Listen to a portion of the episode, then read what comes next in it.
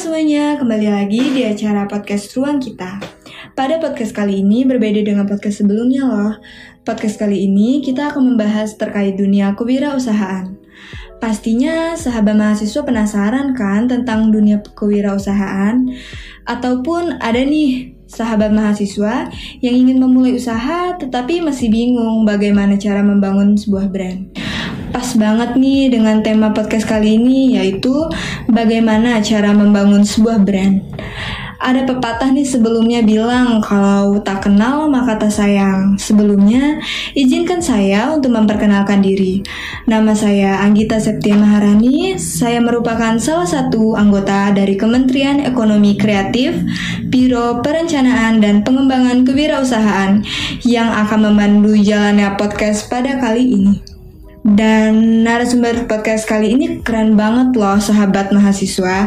Ia merupakan tim kreatif di salah satu perusahaan ternama di Lampung. Dan ia juga merupakan anggota Kementerian Ekonomi Kreatif Biro Dana Usaha, yaitu Kak Ferdian Galang Pratama. Halo Kak Galang. Halo Anggi. Gimana nih kabarnya Kak hari ini? Alhamdulillah baik. Anggi gimana? Alhamdulillah baik juga. Kalau boleh tahu kesibukan sekarang lagi ngapain sih Kak? Oke, kalau kesibukan saya sendiri sih uh, selain kuliah saya juga aktif organisasi kampus. Saya di kampus mengikuti dua organisasi yaitu BEM Universitas dan Animedia. Dan selain di kampus, kakak juga bekerja menjadi salah satu tim kreatif di PT Serikat Raja Lokal dan menjadi social media officer di Kusuma Beauty Clinic. Wah, keren banget ya ternyata Kak Galang ini. Selain pintar membagi waktunya, kuliah sambil aktif organisasi nih. Kak Galang juga sudah bekerja ya tentunya. Oke nih Kak Anggi pengen bahas tentang gimana sih Kak cara dalam menghandle sebuah brand dan bahas dong Kak dikit aja nih tips gimana menurut Kakak untuk mahasiswa yang baru memulai usaha untuk membangun sebuah brand itu sendiri. Oke Nggi, kalau untuk cara kakak ngehandle brand itu, biasanya tuh brand itu yang udah jadi apa yang belum jadi. Kalau yang udah jadi ya pasti kakak cuma mengkomunikasikan pesan yang ingin disampaikan brand itu sendiri. Tapi kalau yang brand misalnya membangun brand ya, itu ada ada step-stepnya sendiri Nggi. Nah untuk step-stepnya itu pertama brand itu harus punya produk yang per, yang pertama. Dari produk itu kita nentuin value-nya. Value-nya itu maksudnya apa sih kak? Nilai, nilai tambah dari suatu brand. Contoh kayak sabun ya sabun itu sendiri uh, kan kita ada di sabun tuh ada tahu merek Lifebuoy nggak? Tahu, tahu, tahu. Oke, okay. kalau merek Lux Tahu dong kak. Oke, okay. Uh, mereka kan sama-sama sabun tuh. Iya. Nah, tapi kan dia punya nilai masing-masing. Nah, kalau di sabun Lifebuoy itu apa yang Anggi tahu nilai yang ada di sabun? Untuk kayak menghilangkan kuman tentang kayak kesehatan gitu. Nah, kalau yang Lifebuoy kan kesehatan. Kalau yang uh, Lux Kayak lebih untuk kecantikan karena wangi Ya, kan. nah itu kan punyain nilai plusnya masing-masing ya kan. Nah begitu juga kita harus menentukan dari produk kita nilai tambah apa sih yang buat pembeda gitu. Kita harus menentukan itu dulu. Dari situ baru kita menentukan target market. Target market itu siapa sih konsumen kita? Segmentasinya tuh bagaimana? Menengah ke bawah kah? Apa menengah ke atas gitu. Jadi biar nggak salah market gitu. Nah, jadi kita harus menentukan target market itu sendiri. Jelas mau ngejual ke siapa. Contohnya target marketnya. Tahu Bimi nggak?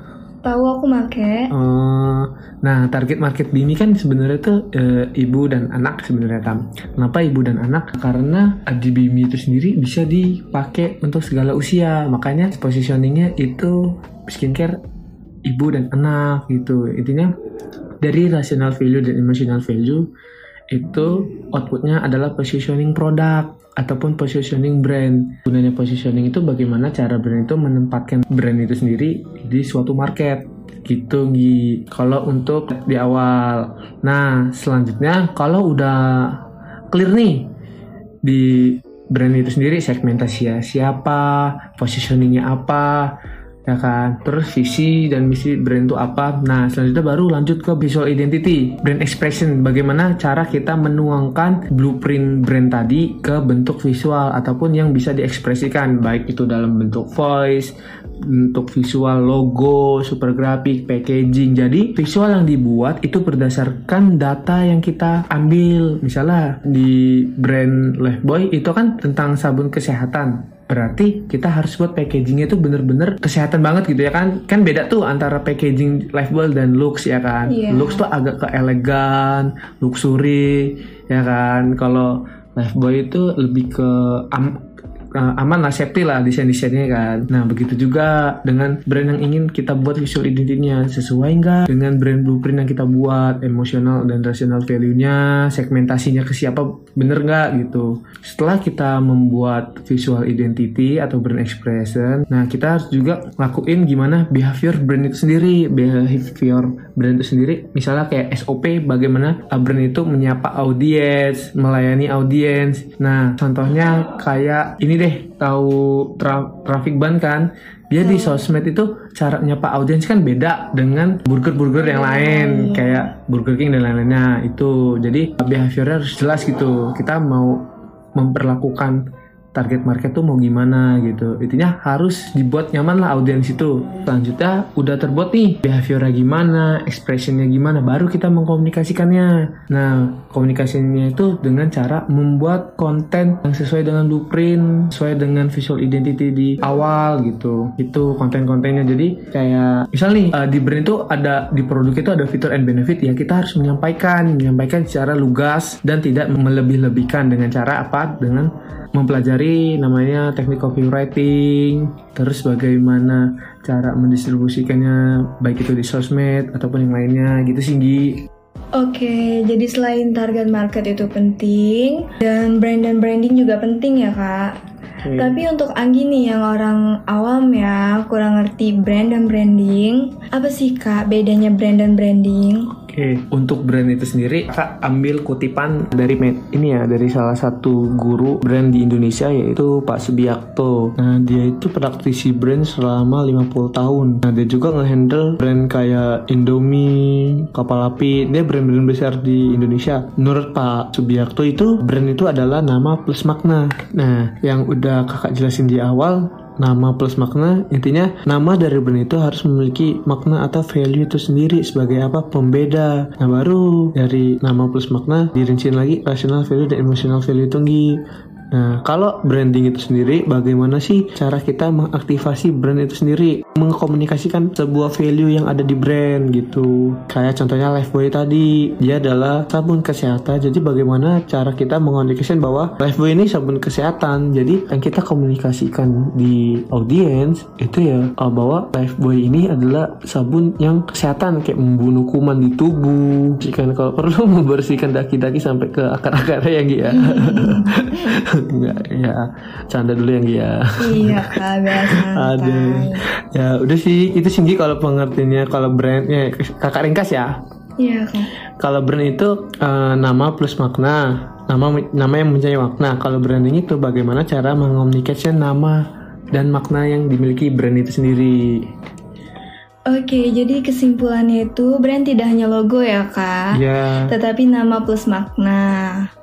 Branding bagaimana cara kita mengomunikasikan nama dan makna agar pesan yang kita sampaikan tersampai ke benak audiens atau target market itu sendiri ya kak? Iya benar. Dan step-stepnya menentukan rasional dan emotional value, membuat visual identity, dan membuat brand communicationnya. Betul kak? Ya bener Gi, itu okay. Oke, nah tadi itu sedikit bincang-bincang kami berdua tentang brand dan seputar pengalaman Kak Galang dalam menghandle sebuah brand. Dan terima kasih ya Kak Galang, ini sebelumnya udah menjadi narasumber. Iya Nggi, sama-sama. Oke, dan semoga dengan adanya podcast ruang kita dapat membawa manfaat tidak hanya kepada mahasiswa tetapi kepada masyarakat umum tentunya. Amin. Jangan lupa untuk follow Instagram BEM Teknokrat.id, Spotify Ruang Kita, dan Twitter BEM Universitas Teknokrat Indonesia agar tidak ketinggalan informasi penting selanjutnya. See you! Thank you.